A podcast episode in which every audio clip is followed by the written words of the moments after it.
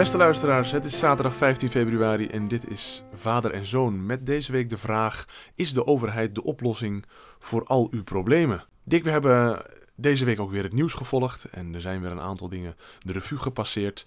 En je had een aantal dingen had je opgeschreven waarvan je zei: daar moeten we het eens over hebben in onze podcast. Want dat stoorde je nogal als ik het uh, zo voor de aflevering hoorde. Noem eens een, uh, noem eens ja, een voorbeeld. Wij hebben toch wel de eigenaardige gewoonte dat we eigenlijk al een aflevering opgenomen hebben, al voordat we beginnen. Ja, ja, ja. Dat, ben ik met je eens. Ben ik met je eens. Nou ja, Stoort, we hebben deze week uh, een aantal punten op een rij. het begon, begon ruim een week geleden met de achterstandswijken. Daar moest ook weer geld naartoe. Ik hoor al 40 jaar lang niets anders, of 50 jaar al hoor ik niets anders dan dat er geld naar achterstandswijken moet. Uh, waarom, uh, waarom een wijk in een achterstandspositie terechtkomt, daar hoor ik dan weer heel weinig over. Daar gaan we weer snel overheen van ja, sociale, medische problemen en dan, dan wordt er wat. Maar waarom nou dat soort wijken dan meer problemen zouden moeten hebben dan een niet-achterstandswijk, daar wordt niet op ingegaan. En dus ook niet op het doen en laten van de bewoners al daar. Die ja. schijnen daar weer buiten te zijn. Die schijnen uh, een willoos slachtoffer te zijn van een of ander donker mechanisme die, uh, dat, dat werkt in onze soort samenleving. Dat was één. Een tweede ja, punt. Nee, wacht even. Laat, laat even reageren op het eerste punt. Um, wat, wat er ook opvallend is, en dat, dat stoort mij dan heel erg, dat er wordt gezegd er moet worden gemengd. Dus in dit geval de sociaal ja. rijkere klassen zouden bij de wat sociaal armere klassen ja. moeten gaan dat wonen. Een... Dat wil ik absoluut niet. Nee, maar dat is eigenlijk, uh, zonder dat ze dat doorhebben, maar dat is doorlopend uh, speelt dat een rol als de overheid erbij wordt betrokken die meer geld moet trekken. Dat het buitengewoon eenzijdig, wat armetierig en materialistisch standpunt. Ook klaarblijkelijk is het zo. Het is ook nog een tikkie bedenkelijk het argument. Het, is niet het argument is niet bedenken, maar ze hebben denk ik degene die het gebruiken niet door wat ze eigenlijk doen. Dat klaarblijkelijk hebben mensen die meer verdienen een ander waardepatroon dan. Zou dat dan het geval, ander waarde en normenpatroon, Ik waardoor die, die boven het gemiddelde ligt, laten we, het, laten we het even wiskundig zeggen, boven het gemiddelde ligt en dus wordt het gemiddelde omhoog getrokken. Daar komt het dan op neer. Ik- ik- dat is ook een wat eigenaardige eh, eh, eh, opmerking. Het gaat niet werken. Dat is, het is allemaal van een redelijk utopisch niveau. Want ik bedoel, eh, een arts of een, een advocaat die in een dergelijke buurt eh, zou gaan wonen, stel dat je daar dure woningen eh, plaatst, Ja, dat dat dan zou mengen, daar gaat het dan om, hè, op lagere scholen, middelbare scholen. Dat is niet het geval. Dat is niet het geval. Dat is de buitenkant. Een arts, een advocaat, daar blijven we even bij, zal er altijd voor zorgen dat zijn haar kinderen terechtkomt in een milieu waarvan hij, zij denkt dat dat gepast is voor het milieu wat iemand nastreeft. En je zoekt altijd, en dat doen we allemaal, dat, dat kan geen verwijt zijn ten opzichte van iets of iemand. We zoeken allemaal de mensen die ons interesseren. Die, ik ga ook niet met iedereen om in deze samenleving. Dat Niet. wil ik ook helemaal niet. Ze willen ook niet met mij omgaan.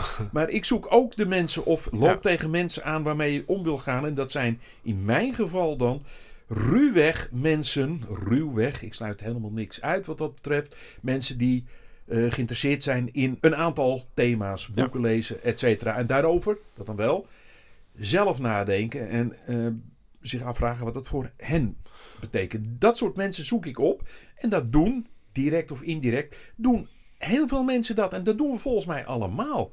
Eh, en dus sluit je bijna automatisch sluit je ook mensen uit. Dat kan Ja. niet anders. In een, in een natuurlijk leven sluit je dingen uit. En zoek je datgene op wat voor jou het meest geëigend Ja. is. Ik, wil, eh, ik, wil, want ik woon in zo'n wijk waarin er wat, wat paar wat duurdere woningen staan. Niet hele dure woningen. En ook wat sociale huur. En hetgene wat je merkt, en dat vind ik heel erg vervelend. Dat eh, voornamelijk sociale huur. Die hebben wat meer maling aan wat er op straat gebeurt. Die gooien hun troep daar wat makkelijker neer. Eh, Ja. en dat zorgt ervoor dat de, dat de straat, Waarbij de buurt. ook, eh ook Verloedert. weinig doet. Maar goed, eh, de- ja.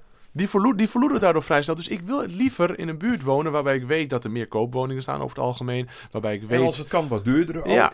En als veel Nederlanders zeggen, en ik laat me dat op de buis bij de talkshows en ma- en masse zeggen. Ja, dan is mijn enige, enige oproep. Jongens, ga dan zelf in die buurt wonen. Als jullie denken dat het zo belangrijk is. eh, Pamela, doe je best. Go your zelf. Go your zeiden we vroeger, ja. Ja, Antwoord, dat doen ze dan gewoon niet. Het, dat mengen. Eh, we hebben het met jou geprobeerd toen jij naar de lagere school ging. Ja, dat ja, was, dat was min of meer een. Dat was een niet-westerse eh, afkomst, ruwweg. En nou is dit incidenteel bewijs. En hoeven we niet te veel waarde aan te hechten. Eh, maar ik heb, wij hebben tegen jou, je moeder en ik, altijd gezegd: Dick, je kunt met iedereen thuiskomen. Iedereen is welkom. Je mag het iedereen spelen. Dat kun je getuigen. Dat is de regel geweest. Dat is begin jaren negentig, ruwweg. Antwoord is het bij jou op de lagere school. Mengde dat? Slecht. Nee, Niet. ja, slecht. Helemaal niet. Jullie voetbalden tussen de bloembakken met een paar. In dit geval dan eh, Nederlandse jongetjes van Nederlandse afkomst. Eh, en het gros voetbalde dus op het hoofdveld. En dat mengde helemaal niet. Dus dit, Incidenteel bewijs, dat weet ik ook wel. eh, in dit geval even terug naar de overheid. En dus Maar de overheid, denken wij... Laten we alle mensen oproepen die denken dat dit een deel van de oplossing is. Eh word actief. Ja, nou, dus, En zoek een woning in een, eh, in De- een, eh, in een minder bedeelde wijk. ja, de mensen zullen hier zelf in dit geval een oplossing in moeten vinden. En niet weer kijken Ja. naar de overheid Nee, van en dat hij een Nee, sturende er- rol moet Er spelen. wordt hier geen oplossing voor gevonden. Dat, het is ook idioot om te menen dat hier, hier al een probleem zou... In eerste instantie al een probleem zou liggen. Want ik, ik zou niet weten waarom wij allemaal zo... kortom, dat, dat is de lieve wereldvrede. Ja. Zou hier moeten worden gesticht. Iedereen moet met iedereen omgaan. We moeten elkaar gelijk lief hebben, gelijk onszelf. Eigenlijk is het een hele enorme christelijke eh, oproep. Waar ik het op zich niet mee oneens ben. Maar tegelijkertijd is het onuitvoerbaar. Omdat wij allemaal onze eigen mensen zoeken om mee om te gaan. Of zoeken, daar loop je tegenaan. eh en de een persoon lig je en de andere persoon lig je niet. En dat daar ruwweg sociale economische strata zijn. Waar op basis waarvan je dat kunt indelen in ruwe lijnen. Ja, dat is, de, eh, dat, dat, dat is denk ik onvermijdelijk. En ik zie eerlijk gezegd ook helemaal niet wat het probleem is. Ik bedoel, als mensen dus boksen als hun, hun favoriete sport hebben, dan zeg je jongens prima, maar ik vind het geen interessante sport. Nee. De kans dat ik dus uitvoerig over sport kom te praten met iemand die van boksen houdt, is niet zo groot. Punt 2. We gaan... eh Eh, trouwens ook niet iemand die van cricket eh, Nee, houdt. nee, Maar die niet van alle sporten te houdt, noemen. die heeft waarschijnlijk wel weer een aantal andere ideeën en interesses. Maar misschien dan weer wel. Wat dan ook. Maar het ligt wat dat betreft redelijk gefragmentariseerd. En het aardige is dat ik hier eerlijk gezegd ook helemaal geen probleem in zie. nou ja, Laat maar- iedereen vooral ook zijn eigen interesses en zijn eigen mensen opzoeken waarmee hij wil omgaan. En Andere dat gebeurt wel. toch wel. Dat Ja. gebeurt toch wel. Nog een punt over de overheid die zich Ja, eh, er zijn er vele. We hebben het net over achterstandswijken gehad. Eh, het probleem hier dus, en dat is dus, is de overheid de oplossing, moet weer, en nogmaals, laat niemand zeggen van, eh, we hebben dit allemaal verwaarloosd, want ik hoor sinds de jaren zeventig al niets anders meer dan dat hier geld in gepompt moet worden. En er is de afgelopen 40 jaar wat geld gepompt in achterstandswijken. Nog los van de financiering van het individu via eh, uitkeringen, toeslagen en weet ik allemaal eh, wat. Dus dat gebeurt grotendeels al. Tweede Eh, punt. Ja, er zijn er meer. We hebben alleen deze week al, als je naar Radio 1 eens een dagje luistert, dan, dan druipt de overheid als het oplossende, als oplossing druipt van alle problemen af. Het is echt het medicijn tegen alle kwalen in onze samenleving. Ja. Het is nu zaterdag, vrijdagochtend even Radio 1. Dan beginnen we met een discussie over de pil, anticonceptie. Ja. En eh, ook dit moet weer in het basispakket. Ik noem gemakshalve het basispakket en de financiering. Verloopt deels via de overheid, wat dan ook via in ieder geval de gemeenschap, via solidariteitsprincipes. Ja. Die voor een deel best, best terecht zijn, solidariteitsprincipes. ja, maar op Eh, een andere manier. kunnen we weer eh, over wat wel en wat niet terecht is, eh, moeizaam debat. Maar eh, ik kan me iets voorstellen bij solidariteit. Maar ben het ermee oneens dat anticonceptie in het basispakket moet. Dat is voor wat mij betreft is dat een individuele verantwoordelijkheid. En mij is onduidelijk waarom nou de, de gemeenschap moet meebetalen aan eh, het verkrijgen, het benutten van anticonceptie. En Ja. dat werd dan gisterochtend weer gebracht. Ja, maar dat, dat, dat zijn mensenrechten. Dat is een mensenrecht. Ik denk, Waar haal je die, daar van- nou weer bij? waar haal je Dat die dit- vandaan dan? ja, wat is dit een recht? Kan de overheid dit jou ontnemen? Want rechten zijn ooit hè, de, door de eeuwen heen langzaam maar zeker geformuleerd. Eh, en in eerste instantie uh, uit bescherming tegen een overheidsmoloch, hè, tegen een Ja. willekeur van de overheid. Daar, zijn, daar is het idee van mensenrechten uit ontstaan. Namelijk, jou, aan jou komt toe een aantal onvervreemdbare ideeën. John Menings- Locke. eh, ja, eh, meningsvrijheid, Ja. eh, soevereiniteit in eigen kring en al dat soort zaken, waar ik het ook mee eens ben. En dat zijn allemaal rechten die je door de overheid zouden kunnen worden afgenomen. Ja. Of waarin je zou kunnen worden belemmerd door een ander. En dan niet de overheid op te treden. Maar dit, dit er een recht noemen, ja, ik blijf, ik heb het, we hebben het al vaker over gehad in de podcast. Dit is geen recht. Dit is misschien een sociaal-economische wenselijkheid, maar dat is iets anders. Het is geen recht. De overheid kan jou niet belemmeren eh, om een anticonceptie te gebruiken of wat dan ook om voorboedsmiddel te nemen. Daar kan de overheid jou niet in belemmeren. Ik ook niet als individu. Dus wat is hier nou eh, een recht?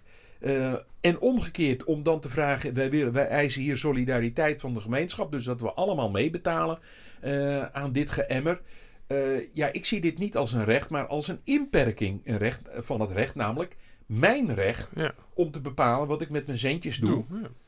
Waarvan ik denk dat dat eh, juist is. eh, en niet het punt dat ik dus, ja, gedwongen, want dat is het. De overheid dwingt mij om belasting te betalen. En nogmaals, voor een deel ben ik het daar, eh, kan ik me daarin vinden, voor een deel ook niet. Eh, en ik vind het geen vrijheid dat, dat iemand zegt: de gemeenschap dient dat te betalen. En dat ik gedwongen moet worden, ook al ben ik het ermee oneens, om hiervoor te betalen. Dat moeten Ja. we geen vrijheid noemen. En dat moeten we ook geen recht noemen. Nee, ehm, Dat, dat was. Mensen gaan ons vragen van, wat vinden jullie dan solidariteit? En dat wil ik eventjes uitleggen. Nou, in dit geval, als het gaat om de pil, zou ik zeggen, man en vrouw zijn samen, Ja. kiezen ervoor om nog geen kinderen te nemen. Helemaal goed, daar kun je ook nog weer over discussiëren, zeker met de Republikeinen in Amerika. Maar dan zeg je in dit geval de man, die zegt tegen de vrouw, ik leg daar wat centjes voor neer, Jawel, want dat, dat- willen wij namelijk samen. Dat is de solidar- solidariteit die hiervoor staat en dat is ook, de- wat mij betreft, Dat de enige gister- solidariteit. Dat kwam gisterenochtend ook wel ter sprake. Eh, daar ben ik het ook volkomen mee eens. Maar ook hier gaat het weer. Hoe jij dat als individu zelf invult. Ja, dat zou mij, zolang het inderdaad eh, het maatschappelijk fatsoen niet belemmert. Ben ik de mening dat is jouw individuele verantwoordelijkheid. En niet die van de gemeenschap. En is de overheid het probleem? Het thema, dit thema is een thema waar we nog vele podcasts op terug zullen komen. Is de overheid de oplossing? Antwoord Nee, dat lijkt het wel. Dat lijkt het wel dat de oplossing is. Dat hebben we de- sinds Wereldoorlog 2 hebben we dat ook op de voorgrond geplaatst. Jongens, eh, leg je probleem maar bij de overheid eh, neer, bij de gemeenschap. En dan komen we er wel uit. Nou, ik denk dat we de grenzen van die solidariteit eh, al eh, eigenlijk al 20, 30 jaar in zicht hebben. Mijn antwoord is nee, dat moeten, we, dat moeten we niet doen. Dat moeten we ook niet willen, want dat gaat niet lukken. Dat gaat niet werken. En we lopen vast. Als jij een jouw doen en laten in jouw individuele leven, dat is jouw verantwoordelijkheid. En als jij iets doet waarbij je weet, want dat kwam gisterochtend ook, na de pil gingen we weer door. Inmiddels was het deel 3, want we hadden daarvoor ook al een discussie gehad over het onzalige plan van D66 om weer vele honderdduizenden mensen uit en Afrika, Oost-Europa, Azië Ja. eh, voor de Nederlandse arbeidsmarkt te halen. Noem maar vier jaar verblijfsvergunning en dan terug.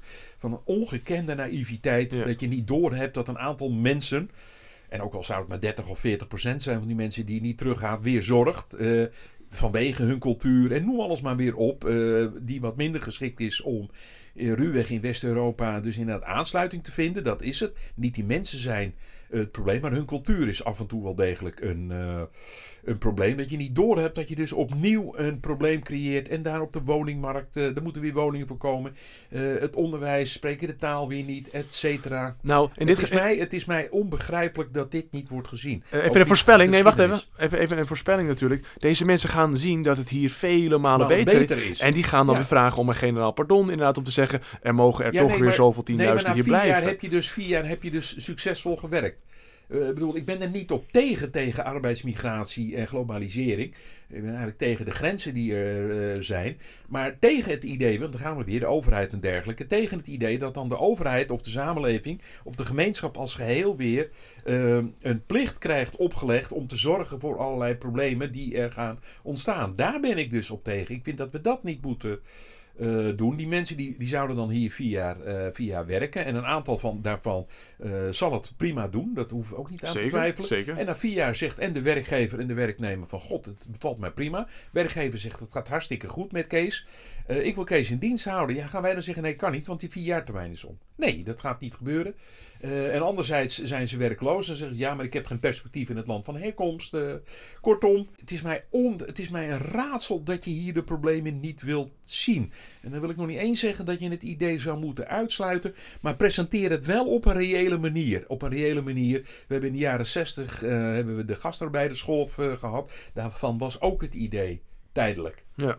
Antwoord nee. Want die mensen zien inderdaad van god, die Nederlandse West-Europese samenleving heeft toch wel vele voordelen. Voordelen, ja. Eh, hoge welvaart gekoppeld aan een hoog individueel vrijheidsniveau. Eh, die mensen gaan ruwweg niet terug. En ook al zegt ja, maar dan gaat de helft wel terug.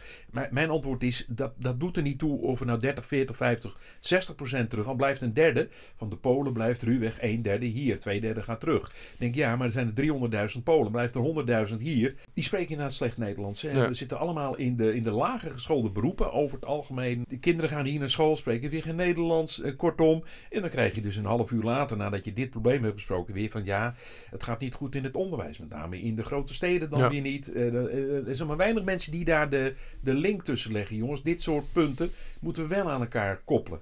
Dat En hoort dan het. is het uiteindelijk maar de vraag of we er economisch, want dat is dan ook het argument. Ja, maar we gaan er economisch op vooruit. Antwoord: veel migranten eh, zitten aan de onderkant van het sociaal-economische loongebouw, verdienen ver onder het gemiddelde eh, en kosten dus meer aan belasting, dragen minder aan de belastingpot bij dan dat ze ervan profiteren. Nee, Dat is ik, onderzocht hoor trouwens. Dat is onderzocht. ik ben ook voor arbeidsmigratie, wil ik even Ja, duidelijk ik ben zeggen. groot Maar voorstander van. eh, de ondernemers doen dat, doen dat in dit geval zelf. Die bepalen of ze mensen nodig hebben. En als die zeggen ik heb mensen nodig, die halen ze hierheen. En zodra ze dus in dat zien, het werkt niet, dan kunnen ze in dit geval ook weer terug. Dat, dat werkt over het algemeen tegen was. veel Dus beter. dat de SP dus kanttekeningen plaatsen bij het eh, voorstel van eh, D66. Maar die vonden het dan weer eh, onwerkelijk en verwerpelijk. Omdat dit een, een puur kapitalistisch plan van het Ja, groot kapitaal was natuurlijk. Gaan we die, niet serieus verhaal. nemen. Ja, nee, ja, niet serieus zit er ook nemen. niets mee op. Nee. Ik denk dat die, dus die mensen zijn die zeker, eh, zeker welkom om te komen werken. Ik denk alleen dat de vrije markt, dus even om terug te komen op ons onderwerp, dat de vrije markt haar hier werk hier veel beter doet. Namelijk, ehm, is er, zijn er mensen nodig, dan halen we die. En als die Nee. mensen niet nodig zijn. En even, wacht eventjes, nog even los van het feit dat wij een grote groep uitkeringsgerechtigen Een hebben. miljoen, we zitten met een miljoen mensen Ja, in dat allerlei is-. Dat is, dat is extreem Dat is veel. extreem. Dat, eh, kunnen we daar niet eens in, eh, in dat, in dat eh, vijvertje vissen om te kijken of we daar nog wat mensen uit kunnen halen om bepaalde baantjes. Ja, want het punt is, te bedoel, doen. we hebben dus we hebben een enorm tekort aan arbeidskrachten, maar dan ook het volgende punt. Ik laat mij ook bijna iedere dag weer zeggen dat er discriminatie plaatsvindt, dat dus groeperingen worden uitgesloten op de arbeidsmarkt of benadeeld worden. Nou, dan is het misschien verstandig dat eh, de overheid Hey. dan ook hier een werkgroep opzet. Van we hebben enorme gaten in de arbeidsmarkt, in de zorg, in het onderwijs, eh, ook bij de spoorwegen. Noem alles maar op. Je kunt het zo gek niet bedenken of er is een tekort aan personeel. Eh, aan alle kanten is er een tekort aan personeel. We gaan hier eens een werkgroep zetten, jongens. Degene die denkt dat hij benadeeld wordt, meldt zich bij ons en dan gaan we gezamenlijk zoeken naar werk. Dat lijkt me een goede, goede oplossing. Nou ja, dat is denk ik geen oplossing, maar eh, het zal wellicht ook al wel op die manier eh, gebeuren. Maar de prikkel hier om daadwerkelijk actief te worden, daarvan denk ik dat die gewoon te laag is. Ja. Dat je niet kunt blijven zeggen van ja, maar ik wil een baan op mijn niveau hebben, want ik heb X, Y, Z gestudeerd. Antwoord ook hier, dat is uw probleem en niet dat van de gemeenschap. Nee, de overheid is, dat, dat zeggen we eigenlijk, de overheid is te ver doorgedrongen in onze samenleving. Ja. En ik zie de overheid ook een beetje als een soort eh, weerhaakje. Als het er eenmaal in zit, eh, dat gaat heel makkelijk. Eroverheen gaat heel makkelijk bij een vishaakje. Alleen terughalen, dat Ja, vinden een heleboel dat mensen wel, dat- dat vinden we het wel. vervelend. We hebben nu, een, wat dan eh, wordt gezegd, volgens velen hebben we, leiden we al 15, 20 jaar onder een neoliberaal afbraakbeleid.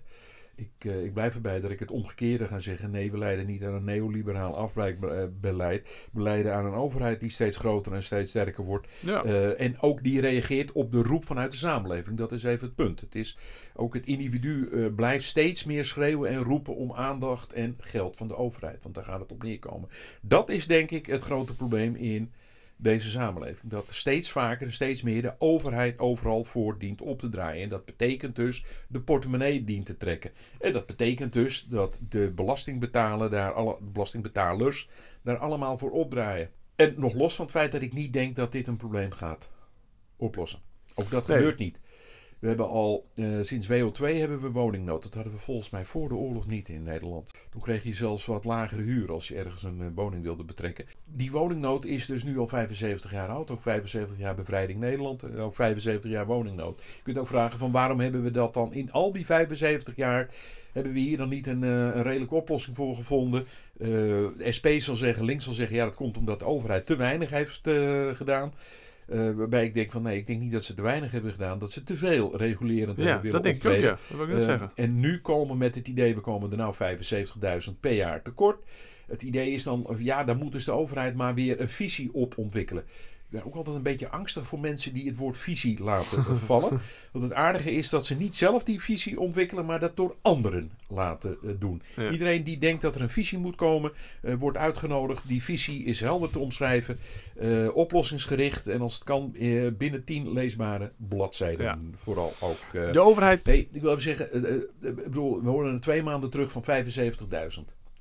uh, woningen tekort per jaar. Uh, uh, waar ik denk van dat is, dat is, dat is aardig wat. Hè? Dat is aardig wat. ik denk ook, we zitten al redelijk vol hoor in Nederland. Wat dat betreft, we gaan naar de 18 miljoen toe.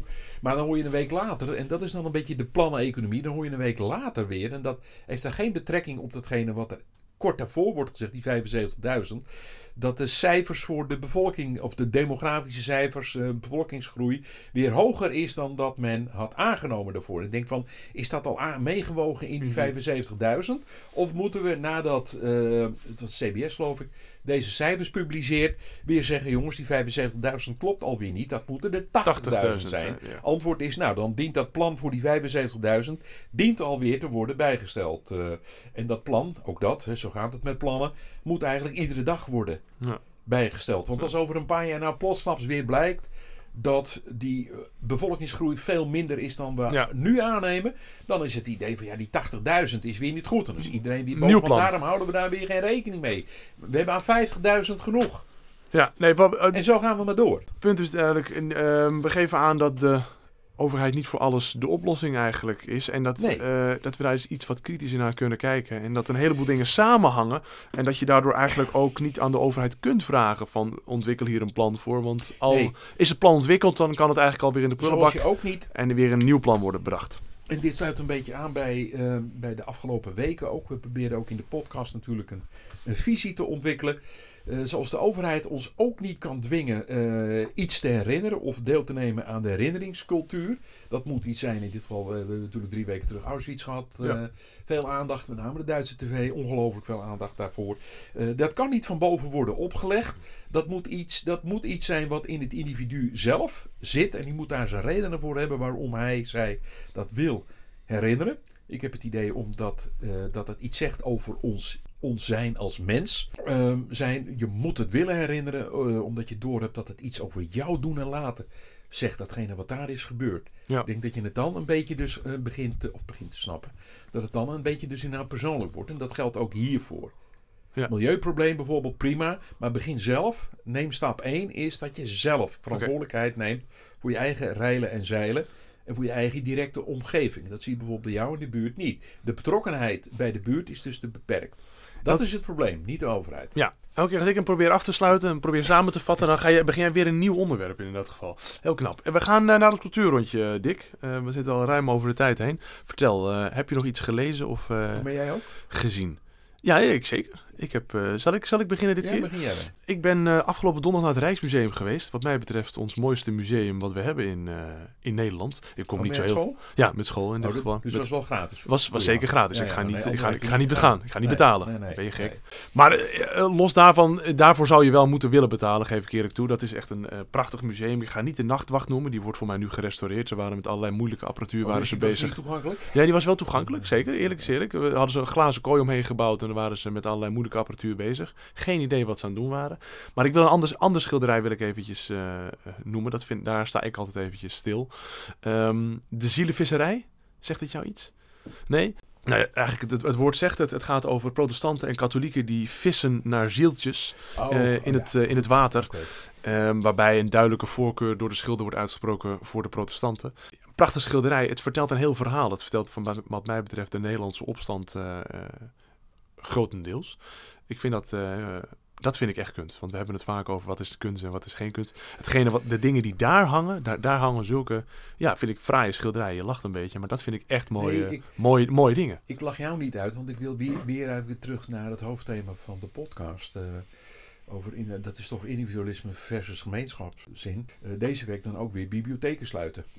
En natuurlijk weer de roep om de overheid, die moet de bibliotheken open houden. Want de minder bedeelden ja, ja, zijn niet in staat om uh, te lezen. voor 3 euro Shakespeare te kopen op Marktplaats. Nee, Daar ik dus anders over denk maar. Rijksmuseum, prachtig museum. En dan eventjes gaan naar de zielenvisserij van Adrie, Adriaan Pieterszoon, als ik het even goed zeg. Ja, ik heb, ik heb eh, aardig wat natuurlijk. Ik heb ook natuurlijk aardig wat tijd. Alhoewel ik de overheid hier wel om subsidie zou mogen vragen. ik heb op jouw aanrader Trotsky gezien op Netflix. Nou, daar oh, ja. een, uh, ja. een half uurtje over kunnen vertellen over het hoe en waarom en het voor en tegen van uh, deze Netflix-serie. Maar over Trotsky komen we nog wel een andere keer te spreken. Zou je meer van dit soort series willen zien op deze manier, op deze manier gemaakt? Zou je dat leuk vinden? Zou je het Ja, aardig vinden? Ja, zeker, zeker, zeker. Nogmaals, het, eh, historisch is het allemaal wat, mag je wat eh, wenkbrauwen fronsen. Maar tegelijkertijd eh, wordt hier wel een verhaal verteld waarvan ik denk dat het in hoofdlijnen is. Klopt dit? Klopt het verhaal wel? Kan ik er wel mee uit de voeten? En is het educatief eh, wel degelijk interessant? Eh, mits een redelijke begeleider erbij, kom je hier goed mee uit de voeten. Ja. Eh, nee, ik heb me er zeker wel mee vermaakt. Die is niet groots, maar eh, ik heb me er zeker wel mee vermaakt. Maar wat toch deze week eh, alles bepalend was, was... eh, ik heb afgelopen zondag het boek van Bart Chabot uitgelezen. Ik heb er enorm van genoten. Mijn vaders hand over de relatie met zijn vader, die nogal erg losse handjes had. Erg herkenbaar voor mensen van mijn generatie, namelijk de cultuur die hij ook bespreekt. De opkomende tv-cultuur, rawheid, bonanza, Ivanhoe en dergelijke. eh, de kat, het kattenkwaad wat hij uithaalt eh, en de manier waarop hij reflecteert over het gedrag van zijn vader in eerste instantie, in tweede instantie van zijn moeder. eh, die hem dus nog, nou ja, zeer onheus bejegende. Laat ik, dat, laat, laat ik het voorzichtig zeggen. Waar ik dan weer een klein puntje bij heb, als ik dan toch een minpunt mag Moet, noemen. moet toch kritisch blijven? Je moet altijd een beetje kritisch blijven. Toch maar niet dan naar dat gezegd hebbende eh, dat ik het een geweldig boek vind. Dus kopen en lezen. Maar, Goed geschreven ook. Nou ja, hij had ook wel iets kritischer dus op zichzelf hier en daar kunnen zijn. Er komen af en toe dingen in voor. Eh, hij gaat in de gang voetballen. In de gang in zijn woning. Nou, schiet, schiet alles kapot. Dat ja, is ja, zo moeilijk niet. ja. Eh, allerlei beeldjes vallen omver. Ja, eh, ja. Ellende. eh, en zijn vader komt thuis en die wordt verschrikkelijk boos. terecht. En in de jaren 60 kreeg je daar nog wel eens een behoorlijke tik voor je achterwerk en voor je. Nou, kortom, in die tijd mocht je nog wel eens een corrigerende tik uitdelen. Zonder dat je opgepakt werd door de gedachtepolitie. Hij had hier wel iets kunnen zeggen, jongens. Af en toe was ik ook wel een hele vervelende Clear. klier. Dat had ook wel eens af wat iets scherper benadrukt mogen worden. Want zo moeilijk moet het toch niet zijn om door te hebben dat het voetballen in een klein gaatje, dat dat uiterst gevoelig en precair is. Dat had af en toe iets scherper gemogen. Die vader was een vreselijke man, zoals, je, zoals hij beschreven wordt ook. Eh, voorkant van het boek, de koffer van het boek opent ook met een onthutsend boek. Nou, een tikkie overdreven, maar goed, eh, dit gezegd hebbende, ik heb er enorm van genoten. Boek. nog één keer titel? Mijn vaders hand. Goed, dan eh, gaan we hem afsluiten hier, eh, Dick. Mijn naam is Dick En mijn naam is Dick. en dit was Vader en Zoon.